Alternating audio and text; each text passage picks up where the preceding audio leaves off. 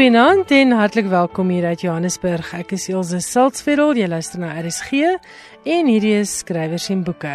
Ons spring vanaand sommer dadelik weg met ons eerste gesprek. Dit is Suzette Kotse Meiburg in gesprek met Dan Sley. Hulle gesels oor 1795, Dan se splinternuwe roman wat ook verlede jaar aangewys is as die wenner van NB se groot Afrikaanse romanwedstryd. Geniet dit. Dan baie welkom by ons in die ateljee. Dankie Suzette. Jy het met eilande het jy daardie begindeel van die VOC geskiedenis het jy gedek hier aan die Kaap en nou kom jy met 1795 en jy kyk na die einde van die VOC tydperk. Waarom het jy spesifiek daai tydperk gekies vir jou materiaal? Uh, 1795 was 'n baken datum in ons geskiedenis veral in die Kaapse geskiedenis van die res van die binneland het nog nie deel gevorm van die land nie. En omdat daar soveel verander het in daardie tydperk, het ek gedink dat dit 'n uiters interessante tydperk ons het nie net die Engelse inval gehad nie, maar daar was in die lig reeds die Amerikaanse burgeroorlog, die Franse revolusie, die uh, Europese verligting, die groot nywerheidsrevolusie dan het ons 'n inval uit die Oos-Kaap gehad en ons het 'n inval uit die see gehad. Eh, Graaf Renet en en Swellendam het reeds die VOC se juk afgegooi. So 'n tyd van van groot omwenteling en dan kry jy altyd interessante gebeure en interessante mense. En dit is ook wat mense hier sien met 1795 hoe daar verskillende invloede was en verskillende mense wou in verskillende rigtings beweeg of kon, maar dit het nie gebeur nie en dan die hele verhaal uh, skets vir 'n mens hoe dit gebeur. Jou hoofkarakter is uh, William van Rede van Oudtshoorn, baron van Rede van Oudtshoorn. Het jy eers besluit op die stuk geskiedenis wat jy wil skryf of het jy eers die karakter van William ontdek? William dan natuurlik ek hou mal baie jare omtrent 50 jaar wat ek omdop. Vandat ek gesien het dat hy is die een lid van die regering wat nie die oorgawe geteken het nie en skriftelik verklaar het dat hy steeds gereed is om voort te veg met sy burgermagpeloton. So daardie twee dokumente is die heel laaste in die VOC se argief wat oorsee in uh, plaaslik etlike kilometers van dokumentasie uitmaak. Staan daardie twee in die Kaapse argief staan hier laaste. So. So dit was 'n man om om om op te merk, 'n man om op te let, 'n man wat jou laat dink. Waarom is hy anders as die ander ses uh, regeringslede? Wat maak hom anders? Dan vind jy uit dat hy 'n welgestelde man, hy's 'n man in 'n hoë posisie. Hy het 'n belangrike uh, taak hy's in beheer van die graan voorraad dit is brood vir die skepe en vir die garnisoen en vir die hospitaal. Die burgers moet sorg vir hulle eie brood. Maar dit was 'n besonder interessante kerel. Voor in die boek uh, bladsy 1 is 'n kort lewensskets van hom uh, wat ek in die argief gevind het wat deur 'n tydgenoot geskryf is. Ook dat hy besonder uh, gewild was deur die burgery dit wys vir my dat hy nie 'n lid van die regerende kliek was nie maar vir hom saam met die patriotte geskaar het. Daar dieselfde klein lewensskets sê ook dat hy afgesien dat hy 'n vurige teenstander van die Engelse was, was hy 'n vurige aanhanger van die huidige bestel So dis in die Bataafse tyd geskryf en dit is dus republikeinse patriotisme. Dit was vir my vreeslik interessant. Dit is 'n stuk geskiedenis wat ek nog nie voorheen so met mekaar verbind het nie. Jy leer op skool van die Franse Revolusie, maar wat ek nie geweet het nie, is dat die Amerikaanse Vryheidsoorlog van 1775 as ware 'n direkte lyn wat deurloop na die Franse Revolusie van 1789 en dan het die Franse weer op hulle beurt die gebeure in Nederland in 1794 beïnvloed waar die prins van Oranje toe nou gevlug het. So was dit 'n tyd in Europa en dan nou in Suid-Afrika hier onder aan die suidpunt van Afrika 'n tyd van demokratisering. Ja, Ja, dit dit was. Hulle begrip van demokratisering is miskien dieselfde as die huidige regering se net vaar trekke van ooreenkomste, maar hulle was op die regte spoor, net soos die Amerikaners hulle onafhanklikheid geneem het van hulle Engelse koloniale regering. So was hierdie mense bereid om dit te doen. Daar was kontak met die Amerikaners, Amerikaanse walvisbote veral wat die olie wat die ratte van die nywerheidsrevolusie moes smeer. Onthou dat in Amerika was daar duikboot is is uitgevind. Die stoomskip is uitgevind. In Engeland die stoom uh engine. Ja. Dit is goed waarvan die Kaap nog net gedroom het, maar om daardie ratte te smeer is wêreldwyd gesoek na olie. Dit is dan walvisolie en en robbertraan. En dit het die Amerikaners hier op ons kuste kom al. Aardolie kom maar uit die 1850s uit. Dan die navorsing. En ek wil die heeltyd as ek 1795 soos ek dit gelees het dan is dit vir my asof eilande reg langsom moet lê omdat hierdie twee die vestigingsgeskiedenis en die die einde geskiedenis maar jy moes verskriklik baie navorsing gedoen het Ek doen nie navorsing nie. so hoe weet jy alles wat hierin Wel, staan? Dit is dit is my werk, dit is my beroep. Ek is 'n historikus van beroep en ek werk daagliks met daardie inligting. So as ek nou 'n besondere uh, stukkie inligting nodig gehad het, soos wat is die uh, William se tweede na naam is Ferdinand, dan het ek dit gaan naslaan. Jy het heelwat jeugboeke wat jy al gepubliseer het so deur die jare en dan ook jou doktorsgraad wat oor die buiteposte gegaan het aan die Kaap. Het jy as geskiedkundige gekonsentreer op hierdie VOC tydperk? Ja, dit is my studiegebied. Jy is die spesialis daarin. Wel een van 'n groot aantal historiese wêreldwyd wat in die VOC tydperk werk en belangstel. Daai VOC dokumente wat nou hier aan die Kaap agtergebly het, tot hoe mate is hulle nou al soort van klaar deurgewerk of is daar nog baie oor? Daar is nog baie oor. Net om terug te keer na hierdie spesifieke boek. Wie was Gordon? Waarom het hy die Kaap aan die Engelse gegee? Wat is hy beloof? Wat was sy ooreenkoms met die prins? Wat wat sou hy kry vir vir 'n kolonelse rooi baadjie? Bevordering oor die koppe van van ouer mense, 'n jaarlikse bonus van 2000 riksdalers, vry reis in die binneland sonder rapport, sonder enige teken van verslaggewing. Ja. En en dit is dinge wat in die kompojiese tyd gebeur het, daardie reise 5 of 6 lang reise elkeen van omtrent 6 maande lank. Wat het hy beloof in ruil vir daardie voorregte? En sy twee seuntjies, een is 6 en een is 9, kry offisiersrange in die leer en vol soldaat, waar ouer soldate, veterane kry minder as as hierdie twee boeties. So dis korrupsie ook maar op sy beste. Korrupsie op sy ergste. William se karakter, hy's baie goeie vriende ook met Louis Thibard, die Franse uh, argitek. Ja. En jy het wonderlike beskrywings van die werk wat die argitek gedoen het om Kaapstad van daardie tyd sy aansig te gee. Vertel 'n bietjie meer van Thibard. Hy was vir my uh, so 'n uh, besonderse karakter, interessante karakter. Ja, Louis het hier gekom uh, saam met die Pondicherry regiment in 1781, 'n Franse hier regiment. En hy het toe agtergebly dank die Vader. en vele van die huise het hy in 'n neoklassistiese aansig gegee. Saasveld is in Franshoek, die Huguenote monument. Dit is Ja. die dit is die ou woonhuis Saasveld waarin die grootste deel van hierdie storie afspeel. En as jy op die buitelblad kyk, dan kan jy vir Saasveld daar sien onder die tuine, net op die hoek Ja. van die tuine bo, aan die bokant. En Saasveld is een van die wat hy 'n uh, neoklassistiese en die Koopmans de Wethuis is Ja. 'n is 'n ander. Weet jy waar die die rivier is in die ou Three Arts teater in die voorstad die rivier? Ja. Daar is 'n bruggie uh, waar die pad oor die diep rivier gaan waar ek afgeklim het in die sloot en ek dink soms is dit nie nog Thibaut se brug hierdie nie want Ja, dit, dit ja. lyk soos 'n klassieke 18de eeuse stukkie werk daar. Ja, William daar's hierdie vrou in sy lewe of daar's verskeie vrouens sê die vrou wat hy eintlik van tafel en bed van geskei is. Dan ontmoet hy die vrou uh, Francine Marie, 'n uh, Franse vrou. En hierdie verhouding tussen hulle gee 'n pragtige onderbou aan jou verhaal soos uh, ook in eilande. Is dit iets waarop jy as skrywer konsentreer om verhoudings sentraal te maak saam met die geskiedkundige feite? Ek dink uh, as jy oor mense skryf, lewende mense soos in fiksie, dooie mense kry jy in geskiedenis.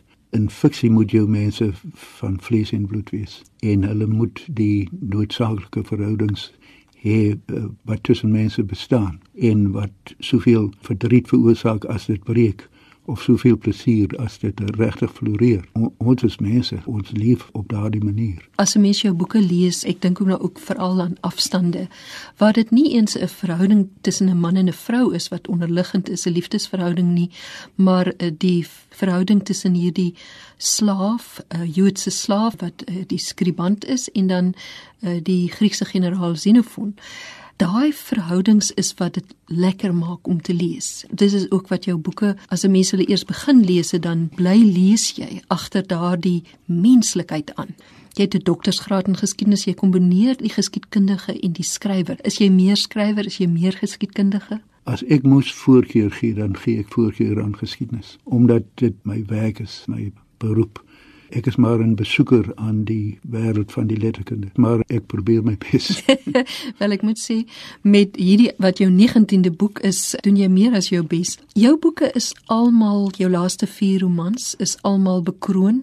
Eilande is 5 uit 5 pryse gekry. Ek is praat onder korreksie, maar ek dink dit is die meeste wat 'n Afrikaanse boek nog gekry het. Uh, of weet jy van iemand wat jou ewenaar Ek weet nie. Uh, ek, ek, in elk geval dit is besonder indrukwekkend.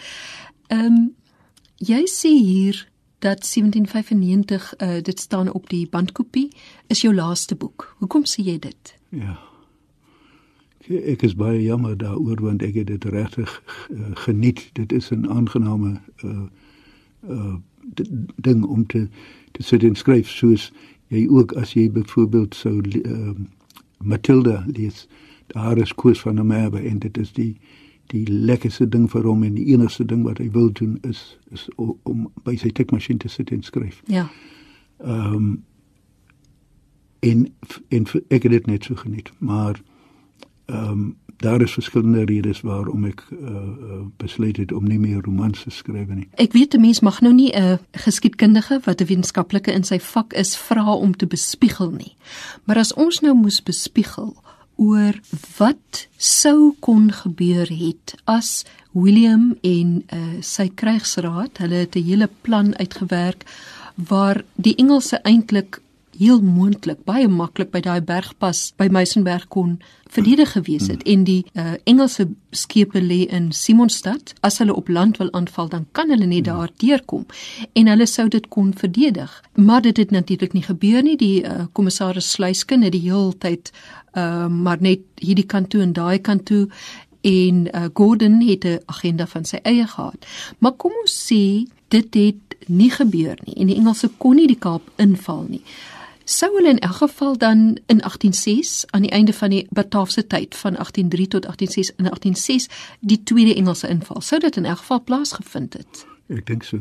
Die behoeftes van hulle Britse ryk het dit noodsaaklik vir hulle gemaak om die Kaap uh, te besit. Die Kaap was armoedig en hier was niks as as, as skipsdiens.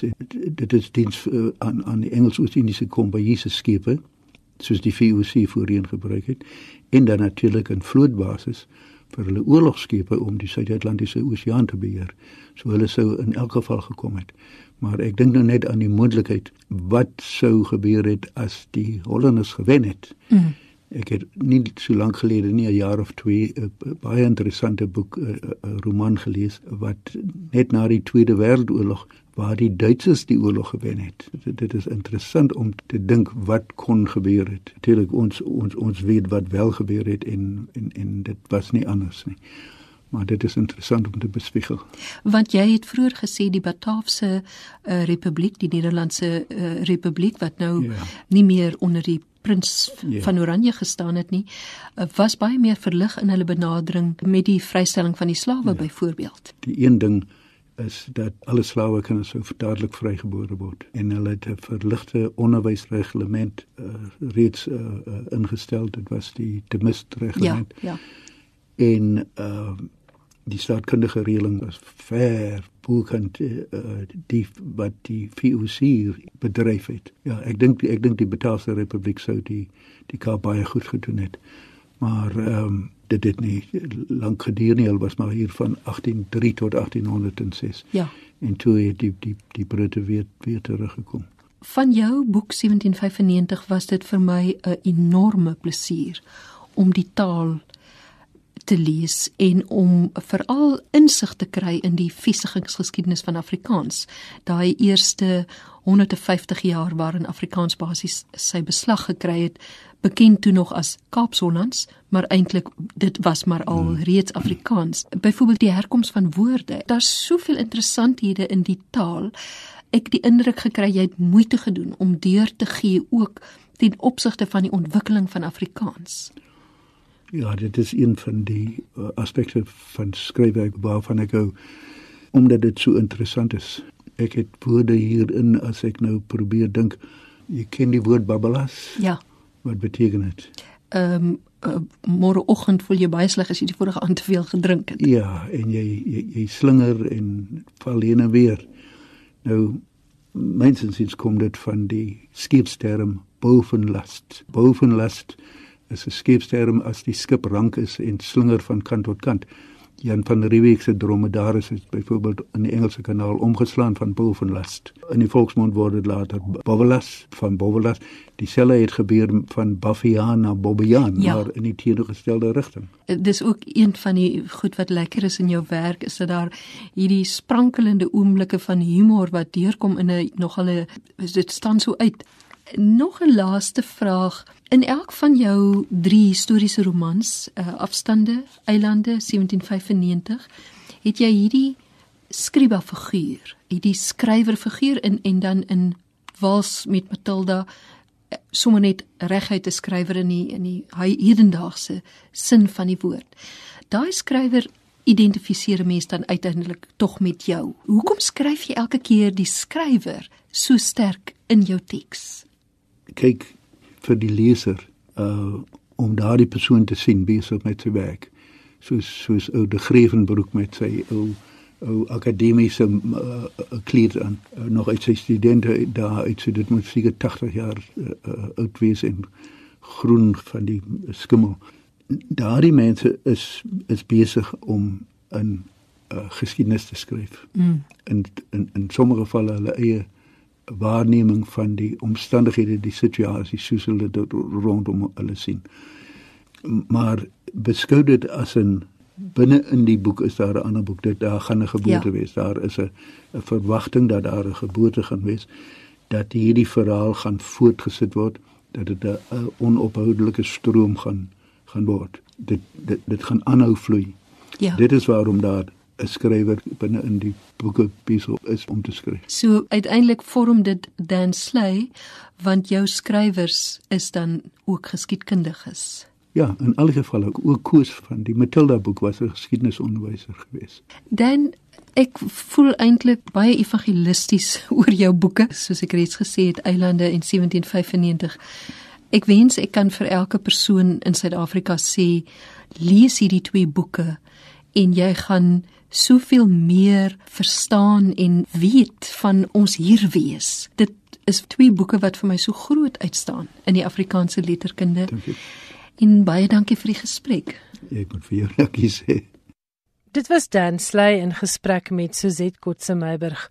Onthou ook dat Dan se roman Wals met Matilda waarna hy ook in hierdie gesprek verwys het, 20 oor 7 elke aand op RSG voorgeles word.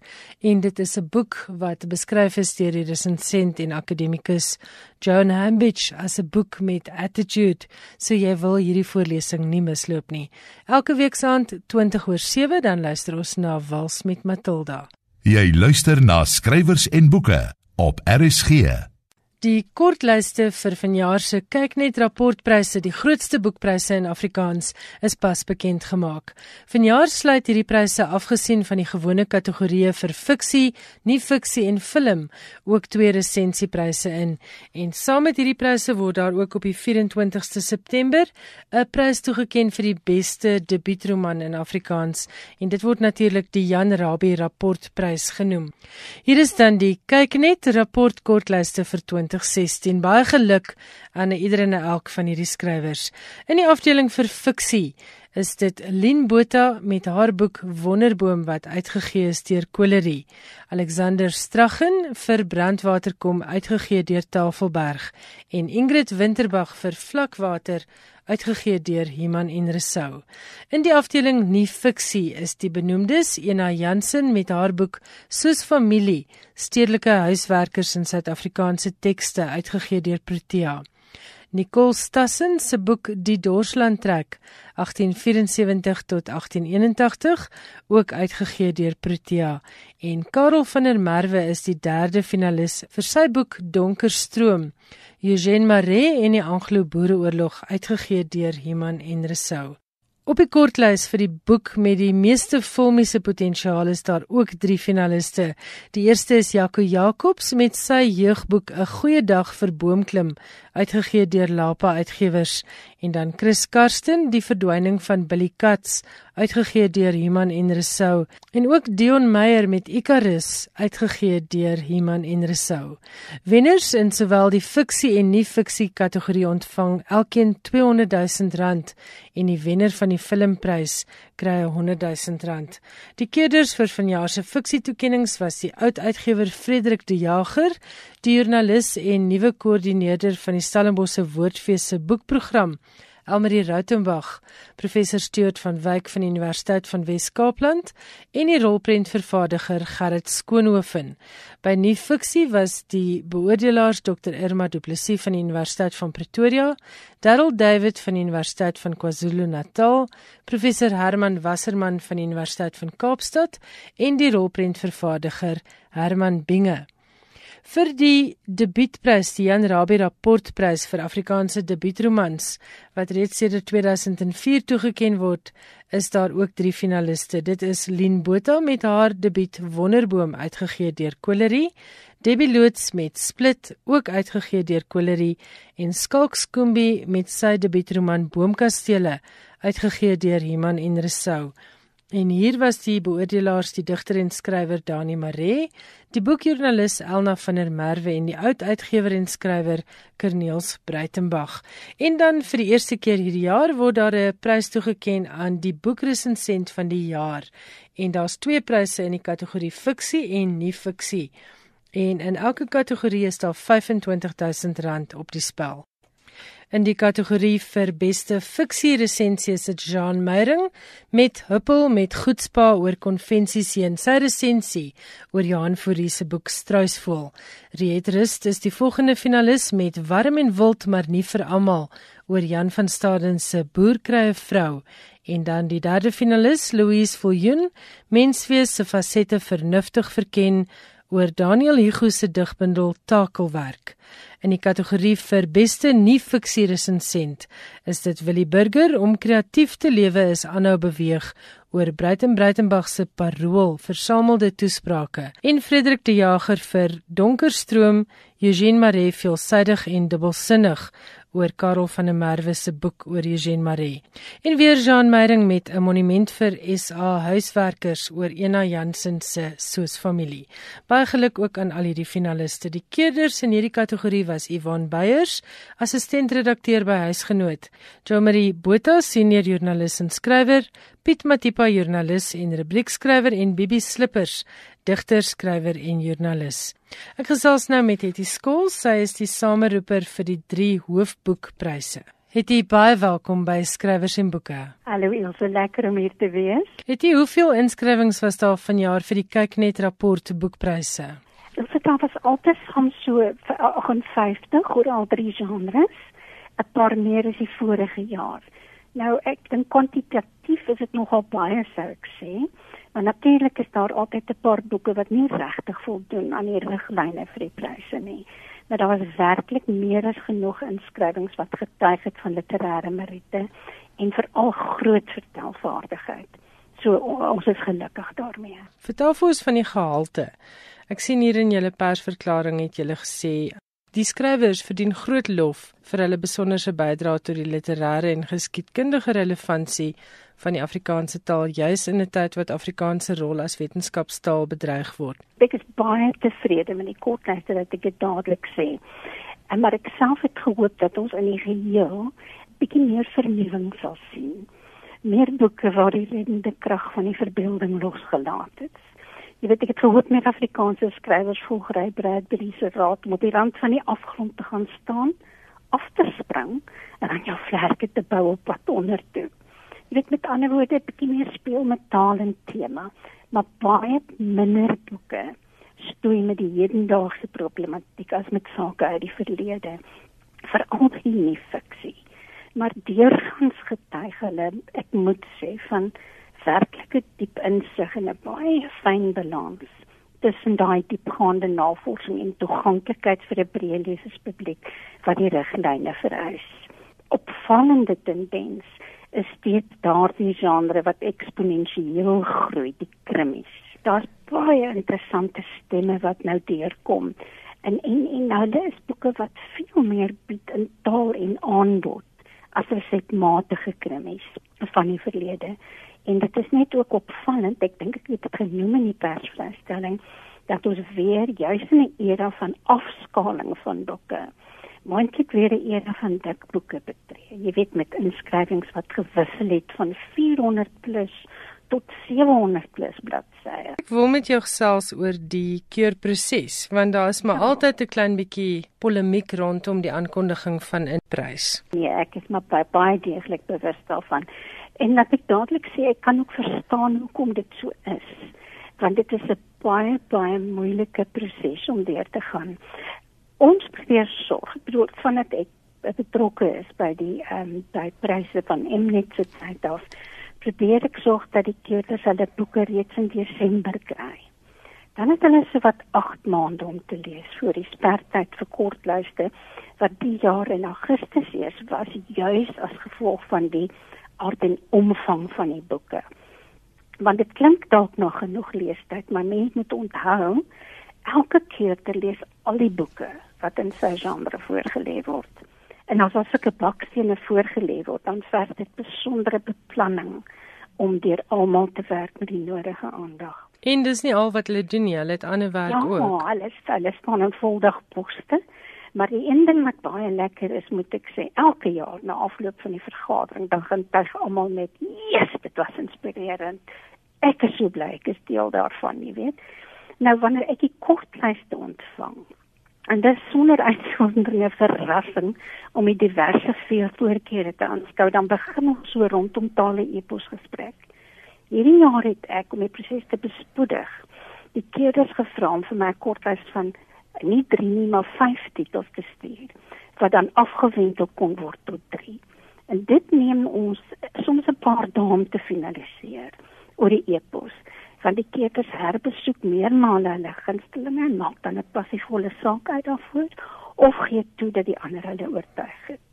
Ek vra hulle dan om 'n finale kortlyste vir my te stuur in hulle huidige volgorde van voorkeur. Dit kan klink nou alles baie omslagtig, ek weet. Maar dit wil nie sê dat dit dan in goud gegiet is vir die vergadering nie. Maar dit help my om hulle dan volgens 'n puntetelling te laat weet hoe sake sou staan as ons net volgens daai punte telling sou werk. Dan vra ek hulle of hulle daarmee kan saamleef, leef en of hulle verder wil redeneer. En so vorder ons tot dit daar wederzijdse oortuiging en eensstemmigheid is oor die boeke vir die kortlys. Kom ek sê jou, dis veel meer moeiliker om hierdie lys te bepaal as wat dit is om die wenner aan te wys. Op die amptelike keervergadering wat dan so 2 weke daarna in Kaapstad gebeur ek elke jaar weet ek moet jy sê in hierdie jaar was nog een van hulle. Wat my daar sit en jy het soveel respek vir die kinders se energieke veglustigheid altyd in 'n goeie gees maar veral vir hulle gewilligheid om mekaar se opinies te respekteer. Dis mense wat besorg is oor die keuses wat hulle maak want hulle besef maar al te goed die eintlike oordeel oor die boeke sal deur Vader tyd bepaal word en nie deur hulle En en ek dink ook 'n mens moet besef nie alle kortlyste gaan alle lesers en alle resensente bevredig nie. Daar is kan nooit gebeur nie. Want want soos ek sê, uh, dit is dis nie noodwendig dat dit die boeke wat nou op die kortlys staan noodwendig elkeen van die keerders se eerste keuses was nie. Maar met die redenering het hulle gesê, goed, ek verstaan nou, dit is soos dit nou werk ek begin insien hoekom daar een dalk jy weet en, hmm. en dit is hoe daar dit gedeneer word. En dit is nooit asof een keerder oorheersend is jy weet en soort van dinge afdwing op ander nie.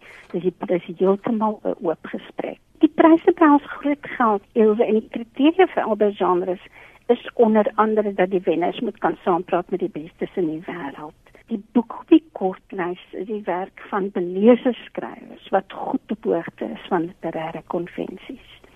Hulle deurgangs 'n ryk en 'n verwikkelde tekstuur er van literêre en kunsteoretiese verwysings. Hulle tree gesprek met diskurse oor sosio-politieke ontwikkelinge in die eie tyd se Suid-Afrika. Hulle doen 'n kritiese herbesoek aan die verlede En dan is daar 'n paar wat regtig eksperimenteer op 'n verskeidenheid vlakke met vertelmiddels. En hierdie was 'n baie baie ryk uh oesjaar vir Afrikaanse boeke. Dit was definitief. Mens bly verras dat dat mense bly skryf in ons klein taal, maar soos wat ons onlangs ook ek dink dit was die met die Nielsen scan het hulle mos getalle gegee oor hoeveel boeke in 'n jaar gepubliseer word hoeveel daarvan Afrikaans is en hoeveel Engels. Ek kan nie meer onthou nie maar dat die die beste verkopers is die Afrikaanse boeke. Afrikaans het so loyale lees jy weet mense wat wat wat verlief raak op skrywers se boeke en dit koop ongeag die prys. Ek kan nou nie die Afrikaanse syfers vir hierdie Nielsen uh, opname onthou nie, maar ek onthou wel die Engelse syfers was gemiddeld 600 boeke per ja. Engelse skrywer en dis darem maar baie baie min dis, in vergelyking met Afrikaans. Ja, ja, en soms vir 'n paar jaar se werk, né? Nee? Ja, en ek dink ons ja. uh, kleinste oplaag wat deesdae gedruk word by meeste uitgewers is so 3000 en meeste van Absoluut. hulle verkoop uit. Ja, ja, en, en deesdae is daar die selfvertroue om van sekere skrywers se eerste oplaag van 10 of 15 of 20 ja. 30000 te doen, né? Ja. En dit wil gedoen wees. Ek moet jou sê ek is so trots op ons skrywers. En 'n mens moet natuurlik baie dankie sê vir die loyale Afrikaanse lesers. Weet jy, Ilse, toe ek um, in 'n jaar toe, nou lank gelede, toe ek begin het met Colerie uitgewers met net 'n lening van 100 000 rand van 'n klein sakeonderwikkelingskorporasie. Ehm um, was daar nie 'n manier waarop ek sou kon oorleef het as dit nie was dat ehm um, daai jare daai vir 90er jaar het mense daar in boeke gekoop. Weet jy ek het op 'n ou faksmasjienkie, dis al wat ek gehad het. Dis nou voor die tegnologie so gevorder het. Ek al my boeke bemark partykeer 3 weke nadat 'n boek verskyn het, het dit in, in herdruk gegaan. Dis fantasties. En dit was Afrikaanse boeke. Dit was Afrikaanse boeke gewees. Ja, nee, dat ons lesers is regtig baie lojaal. En ek dink ons skrywers is baie dankbaar daarvoor. Kom ons praat oor die film, uh die kategorie ja, ja. vir die boeke wat vir moontlike films genomineer is. Ek wil vir die luisteraars net gou weer lees dis Jaco Jacobs vir 'n goeie dag vir boomklim uitgegee deur Lapa. Chris Karsten vir die verdwyning van Billy Cats uitgegee deur Iman en Resou en Dion Meyer vir Icarus ook uitgegee deur Iman en Resou. Interessant dat daar weer 'n jeugboek op hierdie kortlys is en dan twee misdaadverhale. Ja, kyk as mens nou kyk na daai kortlys en jy die internasionaal bekende Dion Meyer en nou ook al internasionaal bekende Chris Karsten se boeke daarop, man kan nie die fout maak om te dink ons werk nou met appels en pere. Maar jy weet 'n uitstekende jeugverhaal met al die potensiaal om getransponeer te word op film soos Jaco se. Hy staan sy plek vol daar. Want die filmprys, soos soos die pryse in die ander kategorieë is vir Afrikaans en vir kwaliteit. En in sy genre voldoen 'n goeie dag vir boomklim volledig aan daai vereistes. Ek dink ek dink vir jou en vir my hoogtyd dat jeugboeke hulle plek in die hoofstroom van die letterkunde vol staan. As oud uitgewer kan ek jou sê dit sit nie in elkeen se broek om 'n jeugboek te skryf nie glad nie nie eers 'n kinderboek nie. Mense dink baie keer, o, oh, weet jy, dis nie eers 1000 woorde nie. Ja, ek kan dit ook ja. doen. Dis nie so maklik nie. Presies. En Jaco het baie sukses gehad met Suurlemoen wat ook vervilm is. Ek ek onthou my kinders was albei absoluut gek geweest oor Suurlemoen en ek weet Suurlemoen as film was ook 'n groot loket treffer. Dis waar, dit is so jy sien sy boek het ook daai element volwassenes hou ook daarvan. Nou wil ek nog met jou praat oor 'n nuwe hmm. prys. Dit is die prys vir resensente. Dit is vroeg hierdie jaar ingestel. Hoekom is ja, dit so 'n belangrike prys? Ek ek is so bly oor hierdie prys, Elsje, want ek dink ons is almal bewus van hoe kernbelangrik dit is dat 'n gesonde letterkunde waarvan ons nou net gepraat het, gerigsteen word deur gesonde literêre kritiek vir Afrikaanse boeke waar die ruimte vir resensies die afgelope jare so beperk is tot 'n absolute minimum. En daai stukkie ruimte moet maksimaal benut word deur die plasing van goed deurdagte, goed geskrewe, goed toegeruste resensies. Ons het hoë waardering vir die aanmoediging by die pryse sal gee aan resensente. Ek persoonlik sou baie graag wou dat ons hier twee pryse kon hê een wat erkenning gee aan iemand wat in elektroniese era die saak van die boek met kundigheid en passie bevorder op meer as een platform. In die gedrukte media op radio, televisie, die internet met ander woorde in die kategorie boekjoernalis van die jaar soos dit in die verlede geld het en tot die prys afgeskaf is. Met ander woorde iemand wat werklik soveel bydra tot bewusmaking van die boek van lees en wat dit vir mense kan beteken met 'n ander prys wat dan gaan aan 'n briljante resensie. En ek kan maar net hoop so voorstel val op vrugbare grond. Ja, want daar is helaas baie meer plekke waar boeke se lof besing word as net in koerante en tydskrifte. Oor die jare is daar mense wat werklik, jy weet, omtrent missionarisse vir boeke was en baie bereik het, jy weet wat optree by die feeste wat al daai dinge doen hmm. wat bydra tot meer 'n boekjoernalis van die jaar as wat iemand vir 'n enkele resensie beloon word. Ja. Maar ehm um, kyk nie, kyk nie gegee pad in die bek. Nee, glad nie. En en, en, en, en ons probeer. Hetie Schools, baie dankie. Dit is altyd lekker om met jou te gesels. Dankie ook dan nou vir jou insette rondom die kyk net rapport boekpryse. Voorspoed met al die reëlings en baie dankie vir jou harde werk. Dankie Ilse en vir jou nou.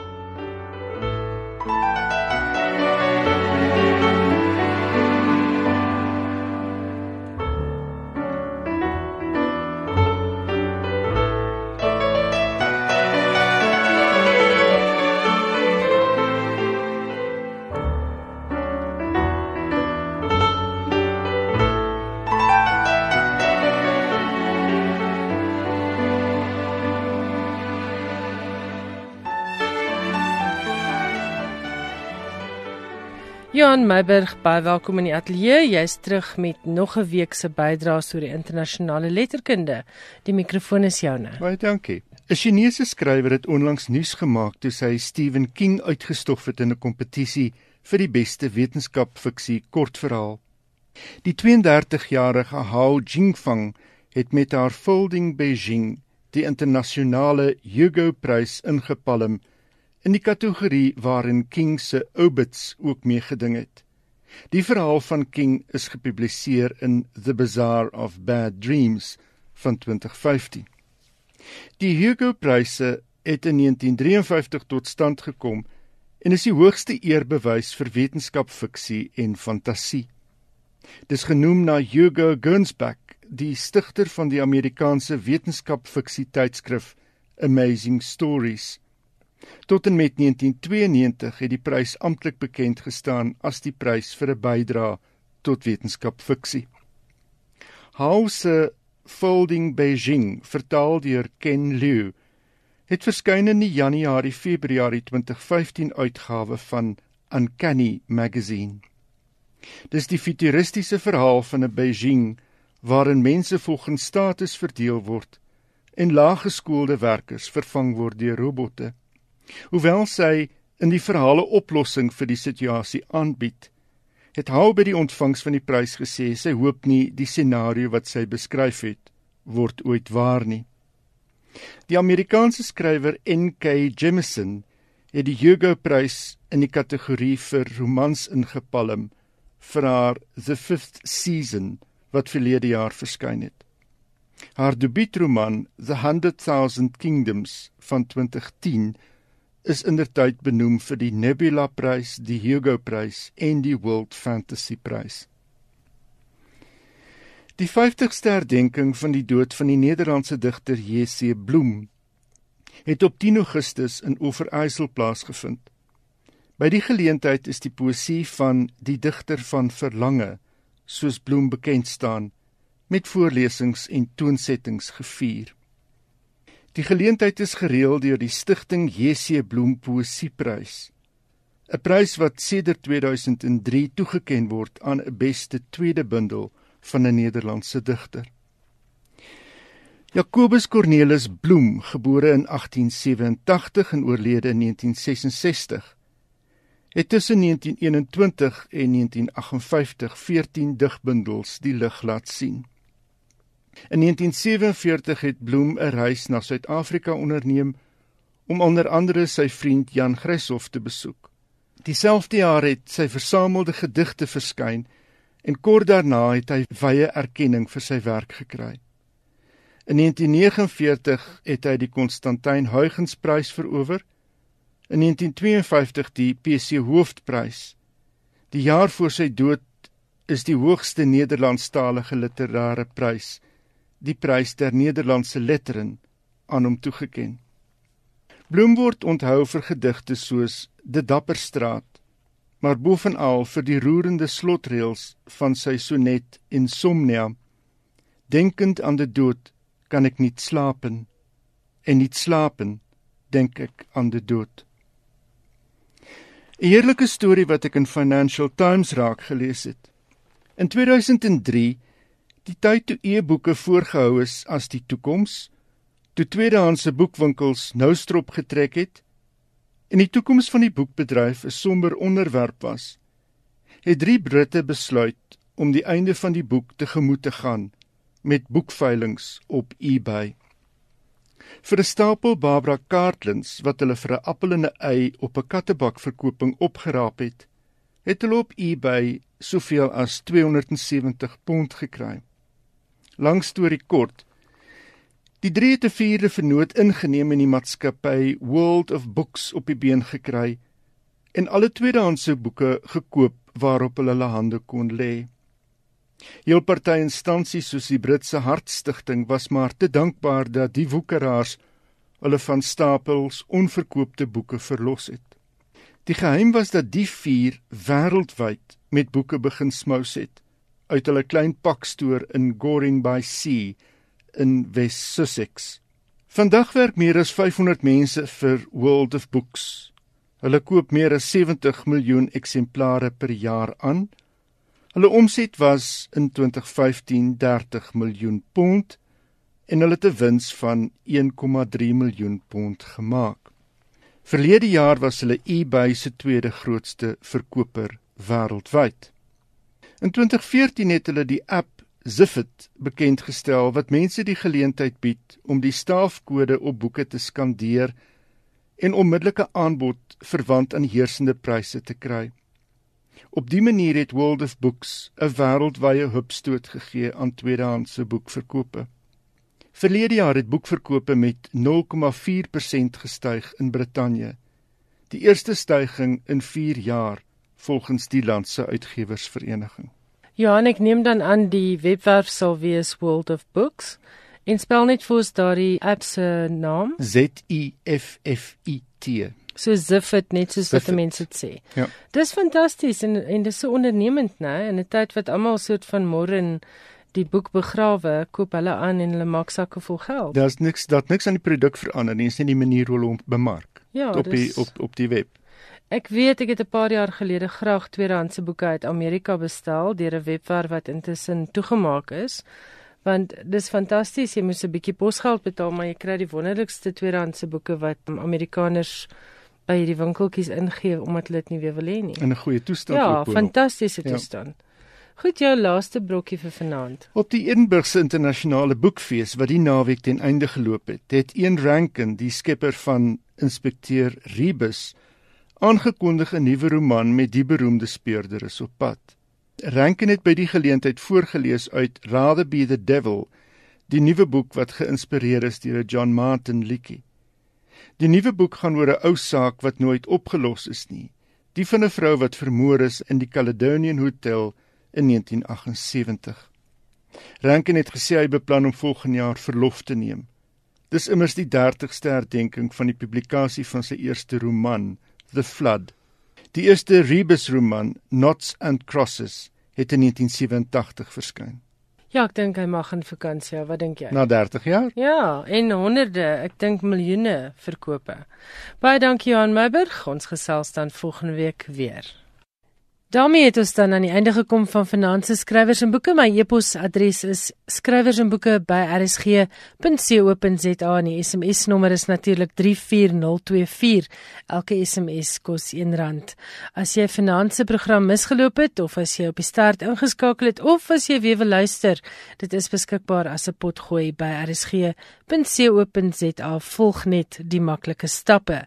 Volgende week is ek terug, dieselfde tyd, 8uur volgende Woensdag aand, en dan gesels ek onder meer met Karen Breinhardt oor haar splinternuwe roman Tuisland, 'n boek wat allerweë baie goed ontvang is. Tot volgende week dan. Ek is Elsje Salzwetel. Jy luister na RSG en ons het nog heerlike musiekprogramme vir die res van vanaand. Lekker luister en lekker slaap. Totsiens.